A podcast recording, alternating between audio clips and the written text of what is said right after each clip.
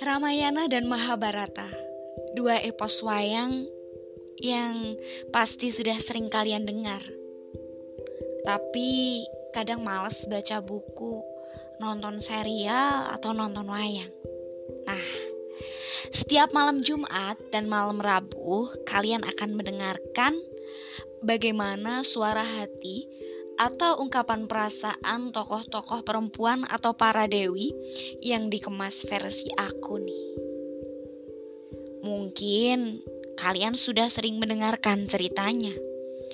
Tapi podcast ini akan membawa kalian tahu bagaimana perasaan-perasaan tokoh perempuan dalam epos-epos tersebut.